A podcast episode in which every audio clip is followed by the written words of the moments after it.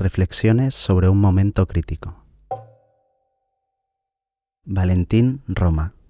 Yo creo que como comisario de exposiciones, lo que creo que sí que ha sucedido, por una parte, evidentemente las instituciones artísticas han cambiado absolutamente sus paradigmas. Es muy difícil, digamos, desarrollar proyectos porque creo que la institución, más allá de los recursos que tiene, lo que sí que me parece significativo es que ha hecho un giro desde mi punto de vista y generalizando un poco un giro casi reaccionario hacia un tipo de lenguaje que no podíamos ni siquiera intuir hace ocho años, digamos. Yo recuerdo, por ejemplo, cuando se hizo Desacuerdos aquí en el MACBA, que era el momento en el que se hablaba de una manera muy intensa de la crítica institucional y visto hoy, eso era en el 2003 a 2004, visto hoy tan poco tiempo mm, más tarde, digamos, los museos han olvidado completamente esa autocrítica o las instituciones museográficas han olvidado totalmente quizás esa autocrítica. Incluso diría que hoy plantear qué fue de la crítica institucional es algo absolutamente fuera de lugar por otra parte y sí que hemos visto una vuelta a los viejos lenguajes patrimoniales y a la expresión y a la puesta en común común y puesta en público de problemas administrativos que tienen las instituciones que digamos que no sé si al ciudadano le interesan. Mm, eso por una parte. Creo que más allá de las coyunturas económicas, lo que la crisis ha puesto manifiesto, al menos en el medio de la institución cultural, es un cambio de registro y un cambio de lenguaje, digamos. Un cambio de manera de expresarse y de comunicarse. Ya no solo son las estrategias marketingianas pasando por encima de cualquier otro tipo de, de relato, sino también digamos, algo que podía ser una vieja aspiración, que era que la institución se ensanchase a partir de la autocrítica o del trabajo con agentes exteriores a la propia institucionalidad, al propio marco institucional, pues, por ejemplo, ese tipo de, de lenguajes han desaparecido. Por otra parte, mm, bueno, vamos a tener que recodificar también en el ámbito del comisariado, por ejemplo, se va a tener que recodificar también la relación que los comisarios tienen con las instituciones, ¿no? Los programas museográficos pues se han cerrado de alguna manera, ¿no? Hay, las exposiciones no duran dos meses como duraban antes, sino que duran cinco, digamos, y son algunas de ellas en una programación anual son miradas al propio patrimonio, ¿no? Con lo cual, bueno, efectivamente mm, las posibilidades de trabajar fuera de la institución, como es el caso en el que trabajo yo, eh, fuera de la institución, trabajar en diálogo con la institución, se han reducido notablemente. Eso tampoco tiene por qué ser estrictamente negativo.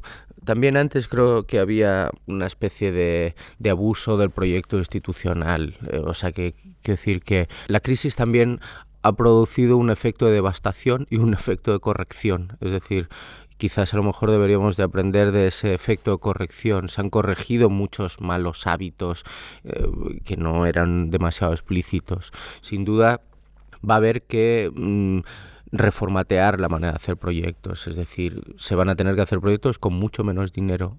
Eso quiere decir también que el dinero ya debería haber formado parte siempre de los discursos curatoriales, pero durante mucho tiempo en Barcelona se hacían exposiciones o hacíamos exposiciones, no querría ser cínico, hacíamos exposiciones sin una conciencia demasiado clara de las infraestructuras económicas o sin trabajar directamente con la economía de un proyecto, ¿no? Y eso me parece que ahora es inviable.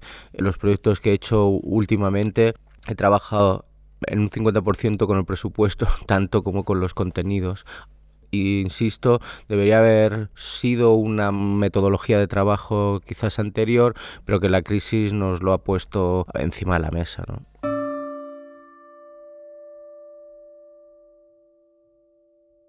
que la cultura tenga una prioridad cero desde un punto de vista social, pues bueno, tiene un efecto obviamente devastador y sobre todo es lamentable que sean los mismos políticos ¿no? quien hayan generado esta situación. Obviamente, no sé quién, el otro día me parece que leí una pintada por la calle que era un pueblo inculto, es un pueblo sumiso, obediente o algo así, y que era muy simple, pero efectivamente es así, quiero decir, si la política elimina la cultura, de sus atribuciones de gestión, digamos que ya olvidemos, entraremos en un neoliberalismo ya salvaje. De todas maneras, no querría ser un posmoderno, pero de todas maneras la cultura siempre ha sido una piedra de toque política, ¿no? al menos en el contexto español y en el contexto catalán.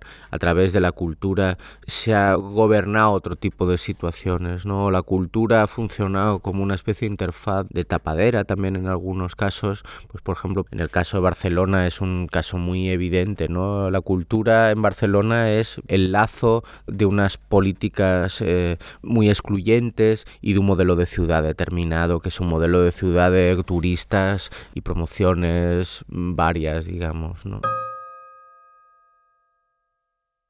Es una situación muy inestable la que estamos. Siempre habíamos estado en una situación de una gran precariedad, pero quizás debemos empezar a coger el toro por los cuernos en, de alguna manera y autogestionarnos, quiere decir también radicalizar un poco la gestión de los proyectos que hacemos, ¿no? Aparte de autogestionarnos, no me refería tanto a una cuestión económica, sino que creo que es importante trabajar con un nivel de radicalidad los proyectos que no teníamos antes, quizás, ¿no? Y eso, pues bueno, al menos nos puede garantizar que ofreceremos una visión del arte, de la cultura de una manera un poco más radical, ¿no?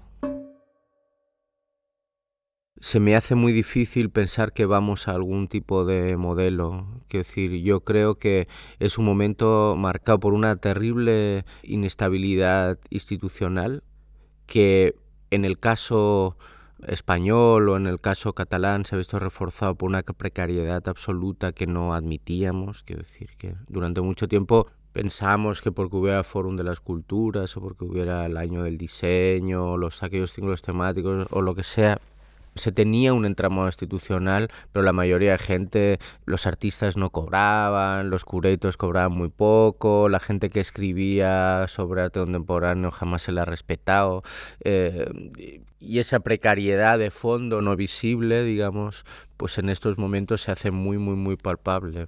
Yo creo que no vamos hacia ningún modelo y que a lo mejor lo que deberíamos hacer en esta situación que no hemos hecho antes es asumir el lugar y el contexto en el que estamos. Quiero decir, estamos en el tercer mundo del primer mundo, por decirlo de alguna manera.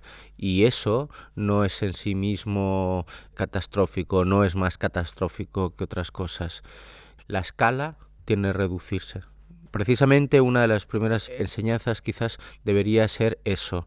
No podemos mirar a otros modelos. Aquí durante mucho tiempo me acuerdo cuando el Conca se hablaba de los councils británicos, de los crack franceses, ya ya, pero es que nosotros no somos Francia ni somos Inglaterra. Y ese era el primer error quizás de base, ¿no?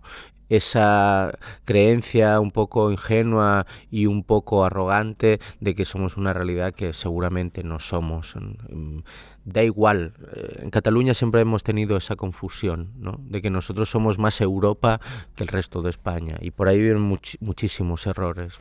Es decir, somos un país con un patrimonio colectivo, artístico importante y donde sin duda los políticos no han estado a la altura de las expectativas de ese patrimonio. Lo que han hecho con ese patrimonio es convertirlo en una bandera que se agita cada cierto tiempo para publicitar políticas en muchos casos reaccionarias. Primera cosa que habría que asumir es esto.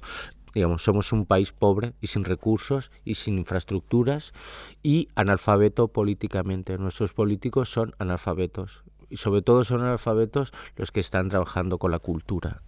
Analfabetos en el sentido que no tienen ni idea de qué es lo que pasa más allá de tres o cuatro lugares comunes. Asumir eso nos hace no mirar ningún modelo. Es decir, no tenemos ningún modelo, sino que tenemos una escala muy determinada. Trabajar con esa escala, con esa resonancia, con ese consumo, con esos recursos, haciendo proyectos adecuados a eso, va a ser el horizonte que nos toque. Cuando se construyó el MACBA, mucha gente se preguntaba si Cataluña tenía necesidad de un museo de arte contemporáneo. Y sin duda era una pregunta pertinente en aquellos momentos. Hemos necesitado como 20 años para activar una infraestructura que perfectamente eh, el país podía haberse ahorrado. Y hemos tardado 20 años en amortizar esa exigencia. No puede volver a suceder esto, digamos.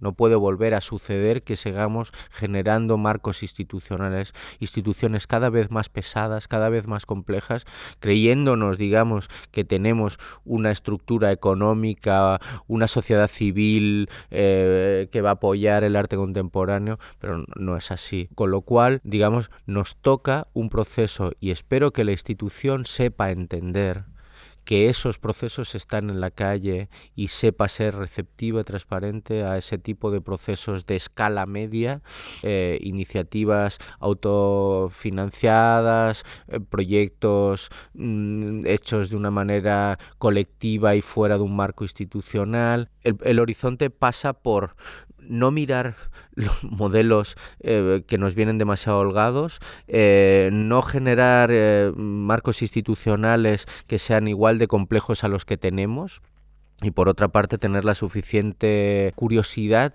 y el suficiente interés como para saber qué es lo que ocurre fuera de la institución. Creo que las instituciones que no hagan esto quedarán como mausoleos, ¿no? Ya están quedando, es decir, empieza a haber una frontera muy evidente entre instituciones dedicadas al patrimonio y dedicadas a la al, al, cuidar un poco los, todos los resortes simbólicos, instituciones que son más abiertas. Pero las instituciones las grandes también están en un estado de debilidad que no solo es económica en ese sentido. Decía que el futuro veo en proyectos de una escala menor, o sea, en reformular digamos, la escala del panorama. Y en esa reformulación de una escala entra eh, el protagonismo de un tipo de proyectos y de espacios, digamos, que pueden tener otro nivel de gestión, no digo solo de autogestión, que pueden tener otro nivel de gestión y también que las instituciones planteen proyectos de otra escala, digamos, ¿no? Pero efectivamente hay una situación muy difícil. Insisto, para mí creo que primero es asumir la precarización, esto uno, asumir que vivimos en un contexto culturalmente muy... Eh, episódico, por decirlo de alguna forma. El despegue o la disonancia entre museo e universidad eh, ya es eh, flagrante. Quizás deberíamos, ya que los políticos no nos entienden, vayámonos a los que tenemos como aliados más directos, ¿no? que son los docentes. Pero se ve una situación muy complicada. Es difícil no ser pesimista en estos momentos, digamos, pero creo que aunque no exista unos lugares donde se da un tipo de proyecto radical con otras exigencias, mm, la exigencia de este tipo de entramado, fuera de las instituciones más visibles en un lado paralelo, me parece que es una de las urgencias. Lo que pasa que es una urgencia que se produce mientras los museos se están incorporando departamentos de marketing. O sea, que quiero decir que es una urgencia totalmente eh, loca en estos momentos, ¿no? Pero aún así no veo otra manera de diversificar el panorama. Es decir, pasamos un poco por esto. La macroinstitución que aglutina toda la atención mediática, todos los recursos presupuestarios, digamos, esa institución tiene que fragmentarse y al mismo tiempo mm, debería aparecer un entramado variado que de alguna manera contextualice, matice críticamente y cuestione lo que sucede en el otro entramado más institucionalizado. Los políticos deberían atender a eso, deberían atender a la urgencia de la diversificación institucional, algo que por supuesto, ya digo, en estos momentos resulta implanteable cuando se está hablando precisamente de patrimonio que es un discurso mm, casi del 19, digamos, ¿no? Pero entre tanto la gente va haciendo mm, lo que puede, como siempre, ¿no?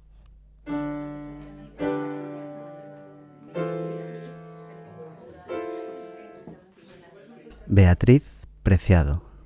Bueno, yo creo que estamos ahora en una situación realmente compleja y al mismo tiempo políticamente fascinante, al menos para aquellos que llevamos años en el activismo y que además llevamos años con un diagnóstico tremendamente crítico y que ese diagnóstico en parte no era reconocido durante los años 90, ¿no? que bueno, teníamos un discurso tremendamente radical y pasábamos un poco por los frikis de, de esta historia porque parecía que ese discurso estaba en contradicción con una especie de boom de la sociedad de bienestar, sobre todo en casos pues como el, el, del contexto español, ¿no? Y de repente, bueno, ahora estamos en una situación en la que parece que aquellos un poco desesperantes vaticinios que habíamos lanzado durante mucho tiempo, pues se están desplegando, ¿no? De manera mucho más abierta.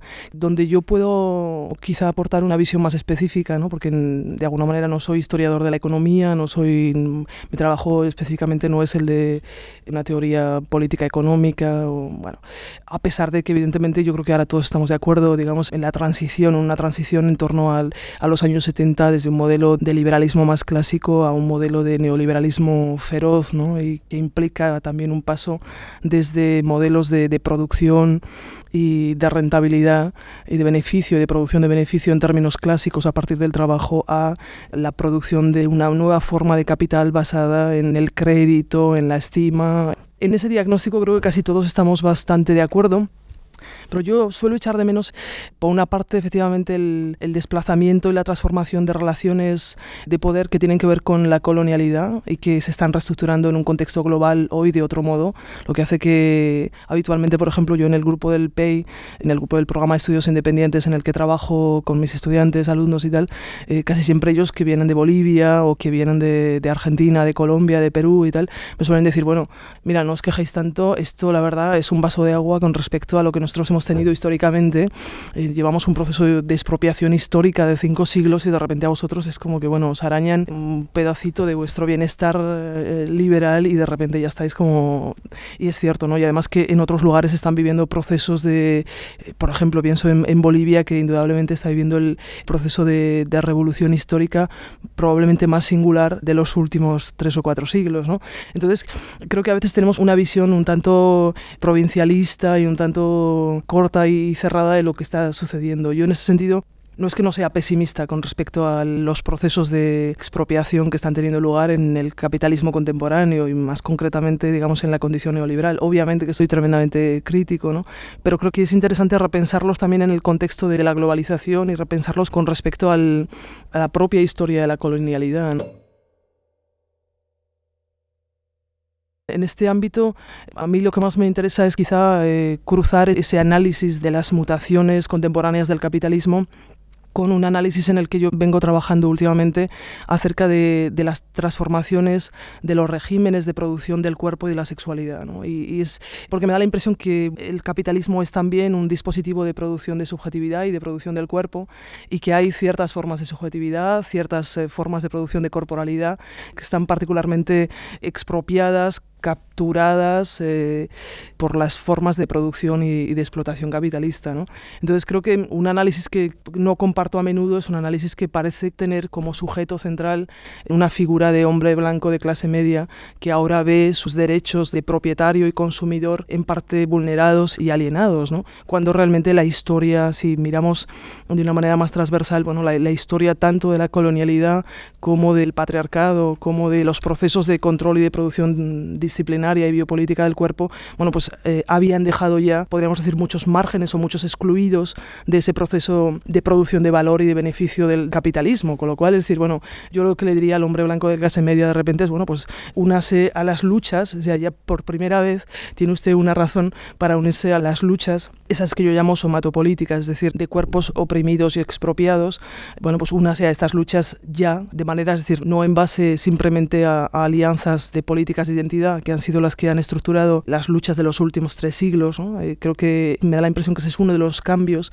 eh, que me parecen interesantes y que creo que, son necesarios si queremos enfrentarnos también de manera estratégica a la crisis contemporánea. ¿no? Es decir, en parte abandonar las formas de segmentación, pero también de estructuración de la lucha política que tenían como base las políticas de identidad. Es decir, eh, obviamente esas políticas fueron estructuradas ya fuera con relación al trabajo como luchas obreras o con relación a, por ejemplo, a la identidad femenina y al cuerpo femenino, eso que aparecía como una naturaleza y por tanto las luchas feministas, las luchas homosexuales. Y me da la impresión que lo que sucede a partir de los años 70 y además creo que es interesante que sea precisamente en ese proceso de mutación y de cambio del liberalismo al neoliberalismo, es que, entre otras cosas, por ejemplo, con la aparición del SIDA, que creo que puede definirse como la primera pandemia específicamente neoliberal, el SIDA va a demandar y va a forzarnos a pensar en nuevas formas de, de alianza que ya no son únicamente de políticas de identidad, sino que son alianzas estratégicas, ese conjunto de alianzas que yo llamo sintéticas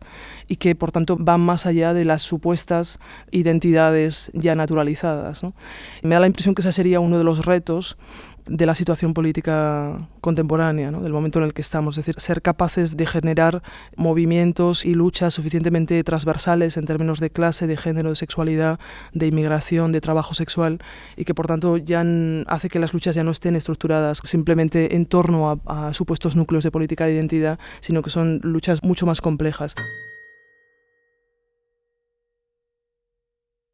Y esas son quizá las que yo no veo demasiado representadas en los movimientos que se están organizando ahora de manera más crítica con respecto a, eso que en el contexto eh, específico de la Europa de los 2010 aparece como la crisis eh, europea. ¿no? Yo creo que además de esa posibilidad de establecer alianzas transversales depende, desde mi punto de vista, la reconfiguración de una nueva esfera pública y de un nuevo horizonte democrático, por decirlo de otro modo. Es decir, me da la impresión que a veces hay en los movimientos contemporáneos de crítica de la crisis o de búsqueda de soluciones a la crisis en la izquierda, en la izquierda más tradicional o en incluso en, los desbordamientos de la izquierda tradicional, hay una cierta nostalgia del estado de bienestar, una cierta búsqueda de restaurar o restablecer el conjunto de, instituciones de la sociedad del bienestar. Entre ellas, además, pues bueno, evidentemente el museo, el colegio, el hospital, etcétera, ¿no?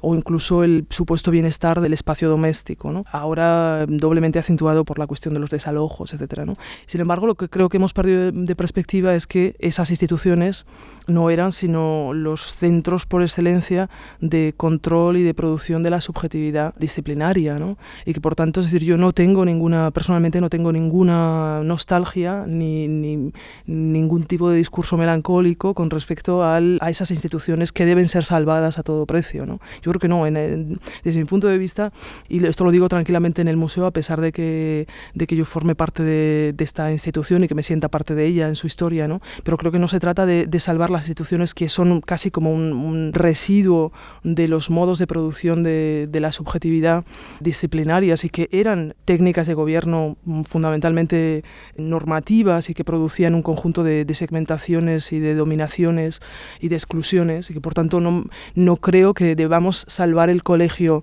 como institución disciplinaria, sino que creo que estamos en un momento precisamente extraordinariamente rico y con enormes potencialidades porque se trataría de inventar nuevas instituciones, de inventar nuevas tecnologías colectivas de producción de subjetividad. Yo creo que ese es el reto.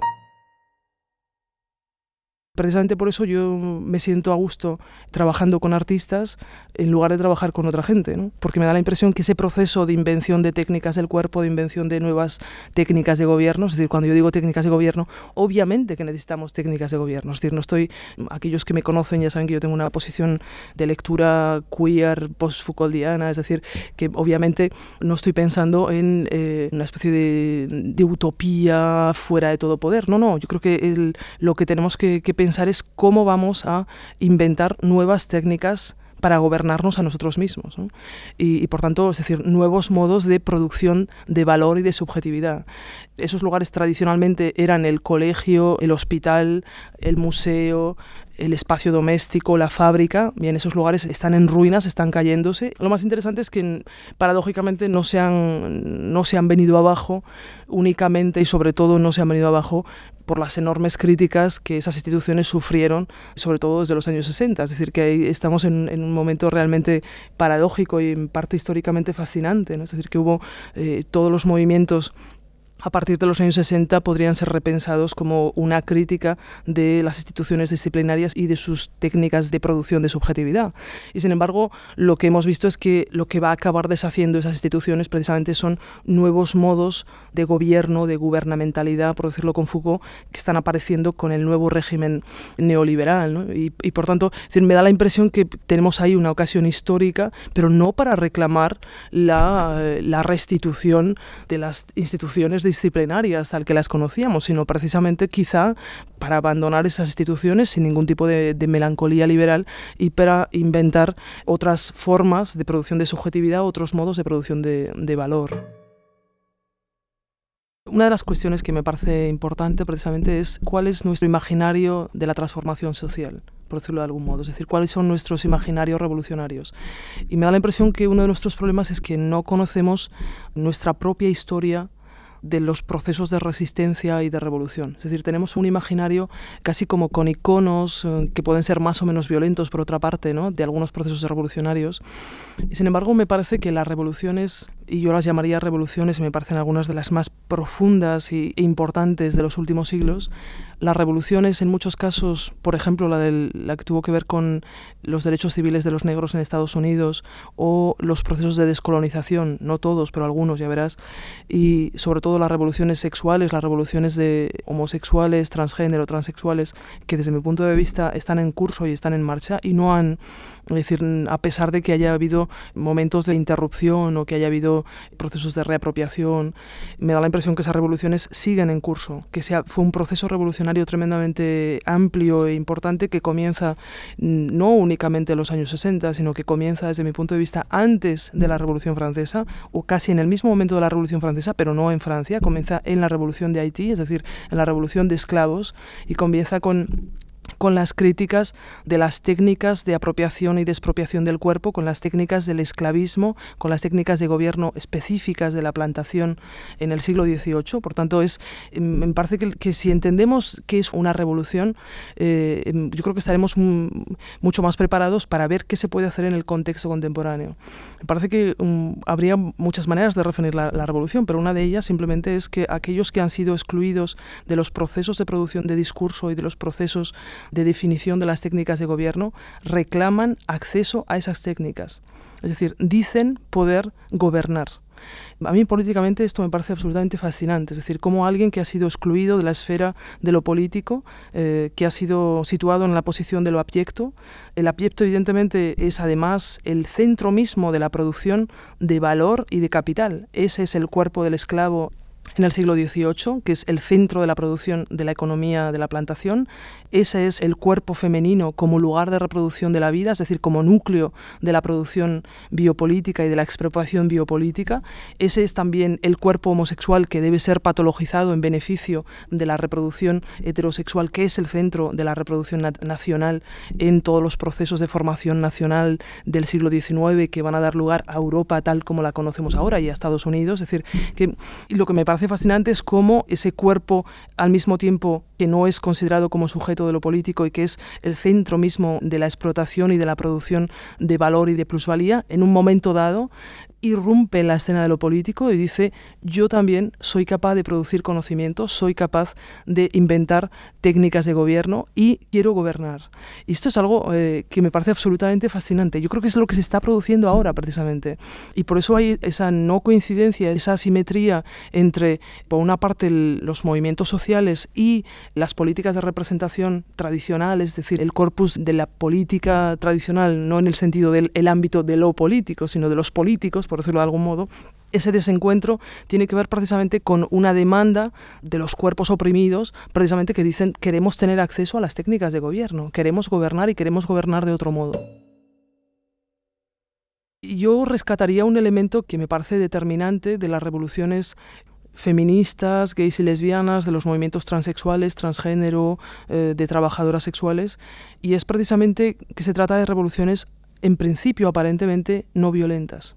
¿Por qué? Porque creo que la historia política tiene que ver con la utilización de la violencia como única y última técnica de gobierno. Y yo creo que en parte hasta ahora nuestro gran problema es que solo sabemos hacer política a través de la técnica de la guerra y de modificaciones de la técnica de la guerra. Evidentemente esas técnicas, por ejemplo con Foucault las podríamos llamar necropolíticas o tanatopolíticas, es decir, técnicas de gestión de la muerte. Sabemos que en el siglo XVIII esas técnicas se van a modificar y van a convertirse en técnicas también de gestión y de producción de la vida, pero últimamente, en los momentos precisamente de crisis o de reordenación eh, de la gubernamentalidad, lo que vemos es de nuevo un recurso a las técnicas necropolíticas, a las técnicas de administración de la muerte. Es lo que está sucediendo en términos contemporáneos, es decir, en, parte es cierto que estamos en una situación de guerra porque de manera mm, más o menos eh, explícita lo que se está produciendo en Europa simplemente es que hay un camufladas en términos eh, económicos o en términos de socialización de las pérdidas bancarias, etcétera,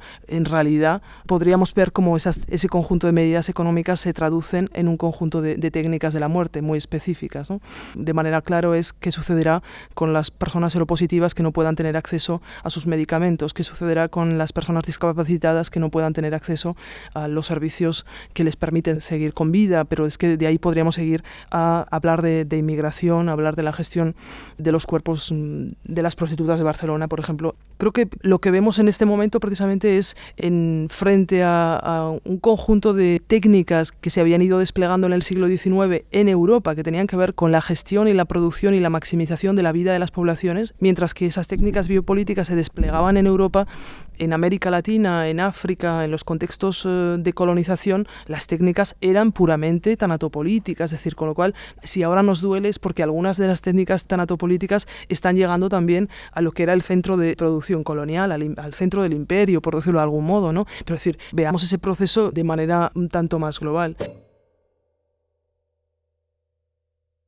Lo que querría decir es que frente a ese conjunto de técnicas tanatopolíticas, me da la impresión que en las revoluciones, en esas revoluciones que además han sido a menudo un tanto ninguneadas por la izquierda tradicional. Es decir, parecía que la verdadera revolución tenía que ver con la revolución de clase, y que bueno, ya se haría después o no se haría nunca todo ese conjunto de pequeñas revoluciones más o menos, bueno, casi como medio cosméticas que eran el feminismo, bueno, que se ya los maricas, las lesbianas, tal, bueno, todo esto, mira, que se adapten un poco a la izquierda. Cuidado, se trata más bien de lo contrario. Yo creo que si la izquierda tradicional no ha sido capaz de articular las luchas gays, lesbianas, transexuales, transgénero, precisamente es porque exceden la conceptualización de la explotación y de la dominación en términos de clase y únicamente a través de las nociones de trabajo y de expropiación del trabajo, ¿no? Pero es que esa es la clave de lo que está sucediendo hoy, es decir, que la expropiación ya no se produce únicamente en base al trabajo, sino que mm, probablemente eh, dentro de unos años en, este país o en estos países, como sigamos así, ya nadie trabajará, con lo cual, es decir, el trabajo ya no parece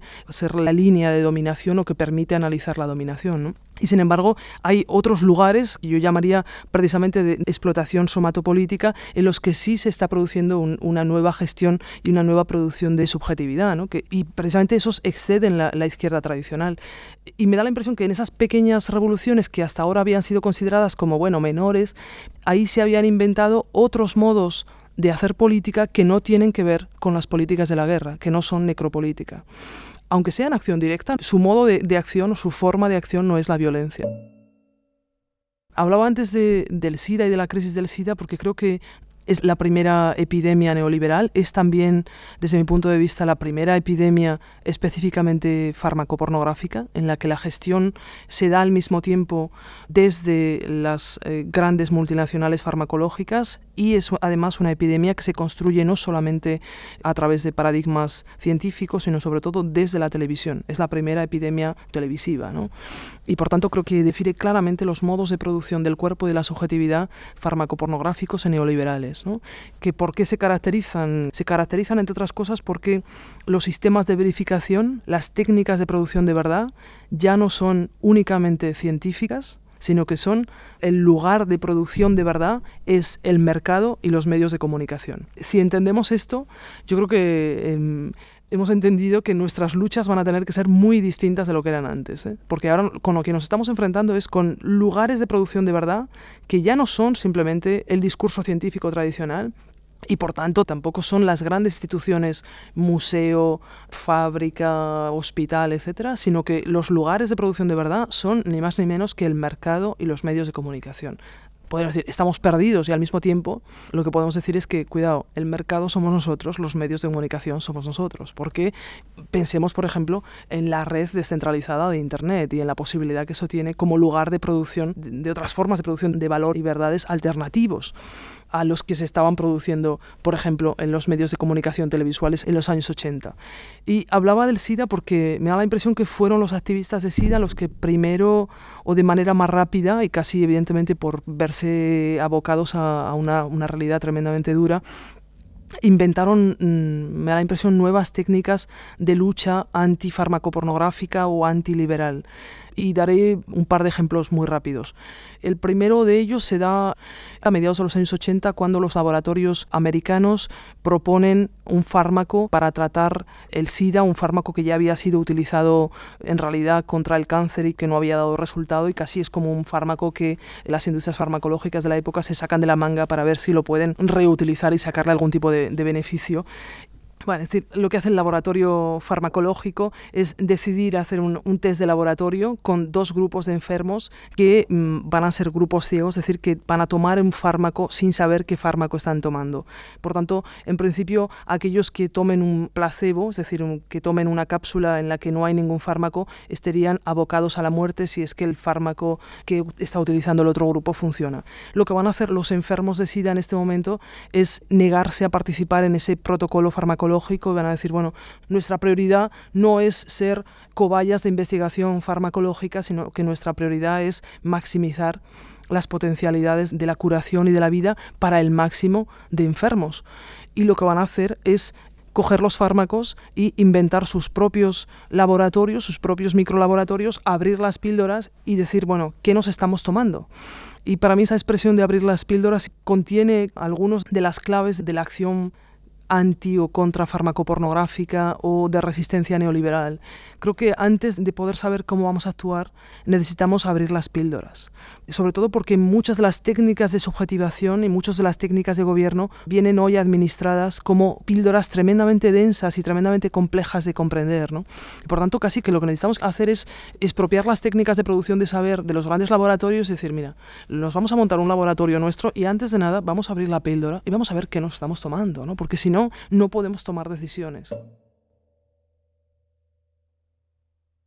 Y la segunda nos la enseñan ellos también porque a finales de los años 80, principios de los años 90, empiezan a hacer una crítica de las patentes tremendamente fuerte, una crítica del copyright, de los derechos de autor, concretamente de los derechos de autor que son poseídos por las grandes farmacéuticas y demandan la posibilidad de producir genéricos como medicamentos eh, antisida lo interesante es que esa crítica de la propiedad privada ya no afecta a la propiedad singular, sino que está afectando a la propiedad de grandes ensamblajes de producción de conocimiento gestionados por multinacionales. Y lo que va a ocurrir es que un, un, grupo de colectivos de diversos lugares del mundo, entre los que están Sudáfrica, que fueron muy activos, Tailandia, pero también algunos lugares de de América del Sur, lo que van a reclamar es la posibilidad de poder hacer genéricos en, lugares deslocalizados sin tener que pasar por la patente de Pfizer o por la patente de Sanofi o de otras grandes compañías farmacéuticas. Y por tanto, lo que quiero decir es que a veces las luchas no son tan evidentes como nos pueden parecer.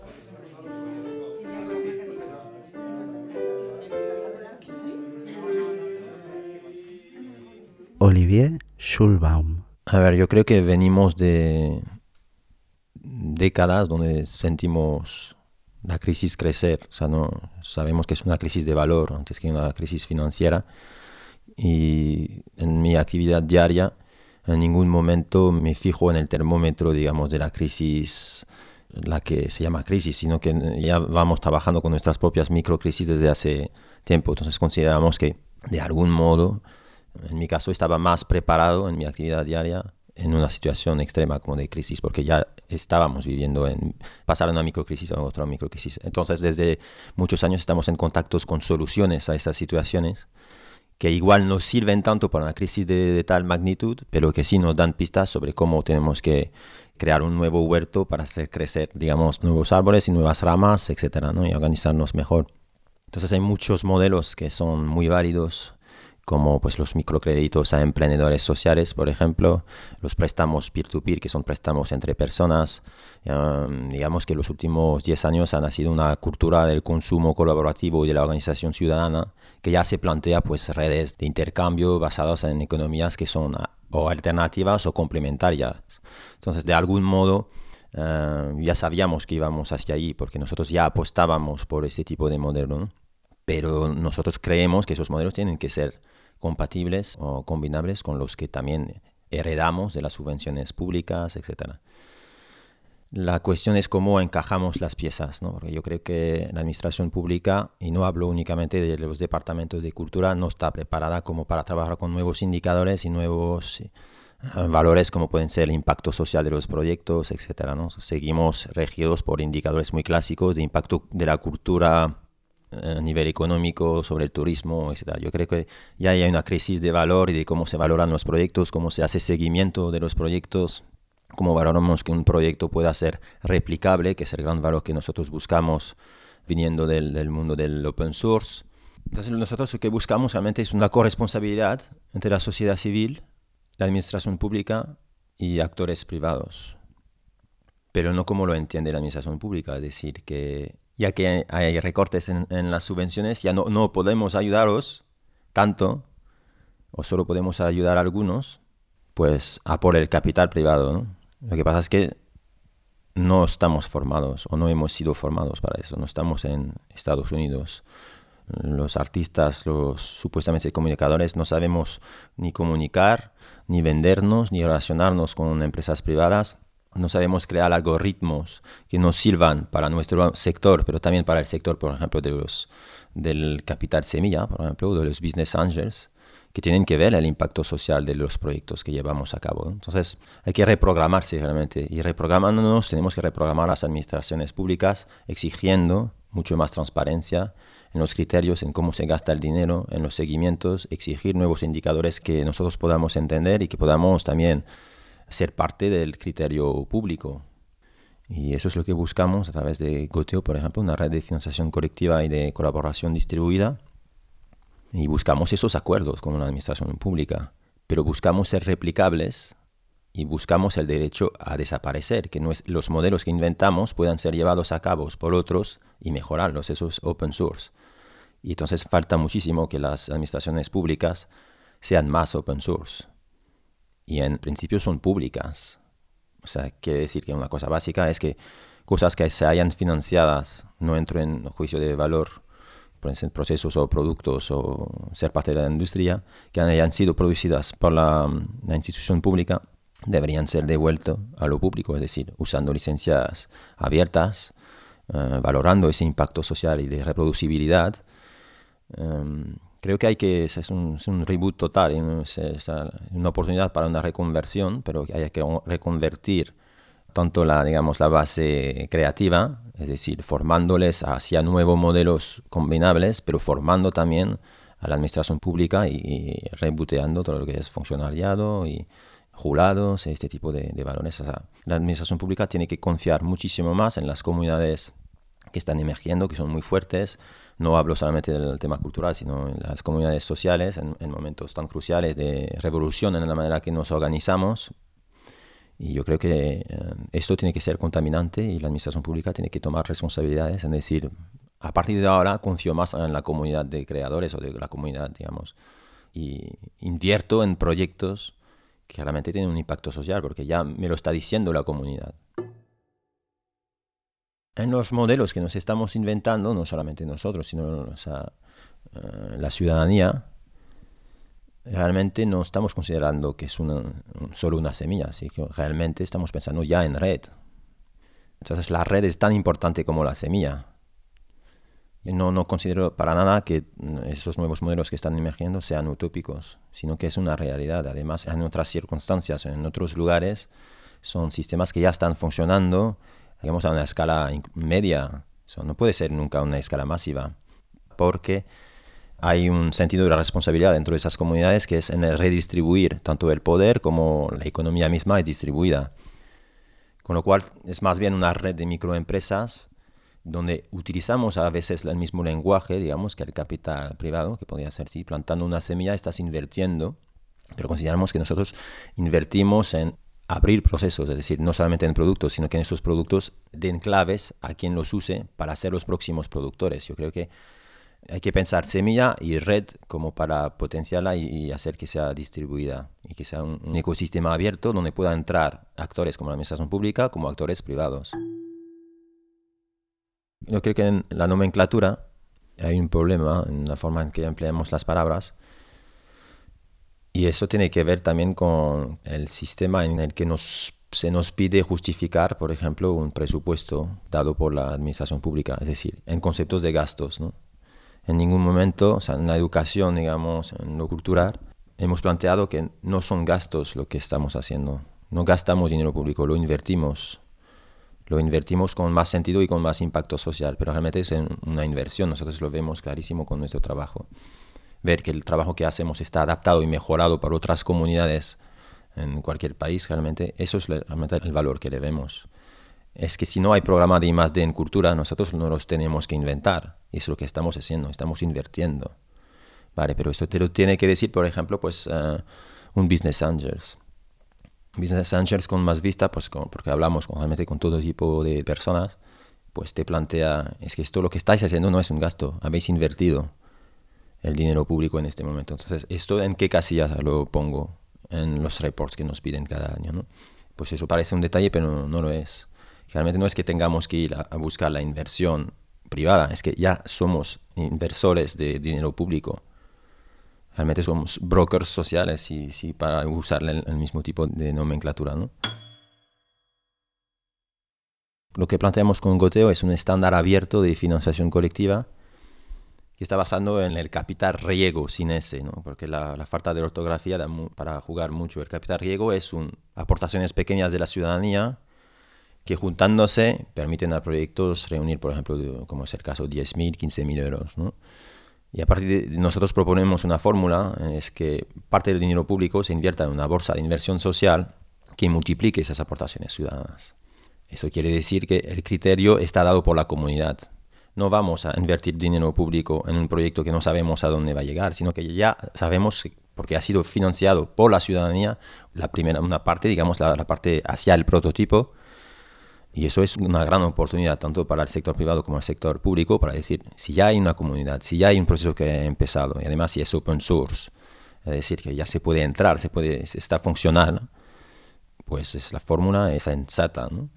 Pues puede haber más sensibilidad o menos sensibilidad, pero nosotros en las conversaciones que tenemos con gobiernos locales no importa tanto de qué partido político depende, digamos, esos órganos. Yo creo que se puede ver tanto desde lo emprendedor como desde lo social. Yo creo que básicamente una de las pequeñas revoluciones que habría que hacer en el sector cultural es que se mire lo que se ha hecho en el tema del aprendizaje social en Europa y internacionalmente, pero en Europa hay muchos estudios y muchos indicadores que servirían para la cultura. Y también a nivel de los creadores hay que plantearse nuevos procesos desde la emprendeduría y hay muchas fórmulas. Puede ser, imaginemos, tanto al nivel, digamos, de comunidades de consumo, que podrían ser consumo, pues, de, como existen cooperativas de consumo ecológico, pues, de cultura, pero también podrían existir, pues, pequeñas cooperativas de productores, o sea, autoorganizarse, pero hay que pensarse desde el aprendizaje, desde ahora invertimos, somos inversores en lo social. Entonces, una, una de las exigencias realmente es que el sector cultural se abra en otras experiencias con otros tipos de impacto, con menos gasto y más sentido. Yo creo que el aprendizaje social en este caso es una de las claves para ver nacer una ciudadanía más emprendedora, más autónoma y usar, ocupar la economía para crear un, digamos, un ecosistema que sea mucho más transparente y más ético y que a la fuerza se contaminen las administraciones. Realmente muchas veces también las administraciones están sensibles a que este tipo de modelo reciba atención del sector privado. Y entonces ahora quiere entrar. ¿no? Eso es lo que estamos viendo en conversaciones que tenemos. Yo confío también en, en, las buenas prácticas. Por ejemplo, lo que estamos llevando a cabo en una colaboración con el gobierno vasco es a través de IREQIA, que es un programa de gobierno abierto y participación ciudadana. No es a través del Departamento de Cultura. Eso es importante. Es importante porque también desde la Administración es un cambio, primero una apuesta por la transparencia y la, participación ciudadana y tener una puerta abierta de un gobierno que se organiza de otra manera. ¿no? Yo creo que y hemos visto en otras conversaciones con otros gobiernos pues que esto sirve de precedente. Sirve de precedente cuando hay un cambio de la administración pública que dice, ¿por qué vamos a inventar la rueda y desde la administración pública pues hacer una plataforma de crowdfunding, por ejemplo, cuando desde la ciudadanía hay casos que nos dan claves y que ya estén funcionando. Apoyémonos en la organización ciudadana y apoyemos la parte formativa en que los nuevos creadores sean futuros emprendedores sociales, por ejemplo, ¿no? y que a su vez usar digamos, la oportunidad que nos da la crisis, que es reorganizarnos, realmente exigir un cambio de organización eh, para repensar los modelos, para también pues, ser más escalables, pensar en más micro, pensar en colaborar más, pensar en, en que no todo es pasta, puede haber redes de trueque, de recursos, etcétera. Es lo que intentamos combinar con la financiación colectiva, con Goteo.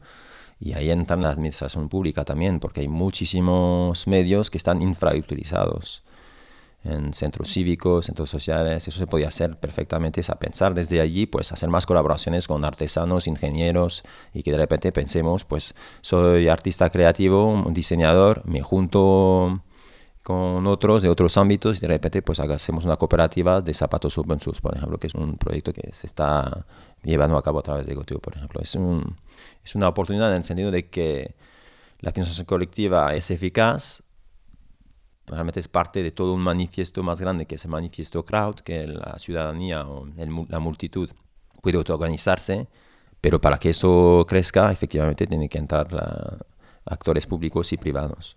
Entonces nosotros también tenemos que explicar muy bien qué hacemos y es el tema de como empleaba antes, eh, esa idea del, del algoritmo pues ese algoritmo tiene que ser inteligente en el sentido de que lo tenemos que entender los que necesitamos dinero y los tienen que entender los que posiblemente nos quieran apoyar o no.